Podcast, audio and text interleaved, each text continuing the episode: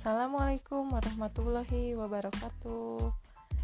Mari kita belajar di mata kuliah Kebutuhan Dasar Manusia bersama Ibu Sri Mulyati, kemudian bersama Bu Saur Sariati, Bu Seni Rahayu, Bu Yulia Ulfa, dan Ibu Farhati.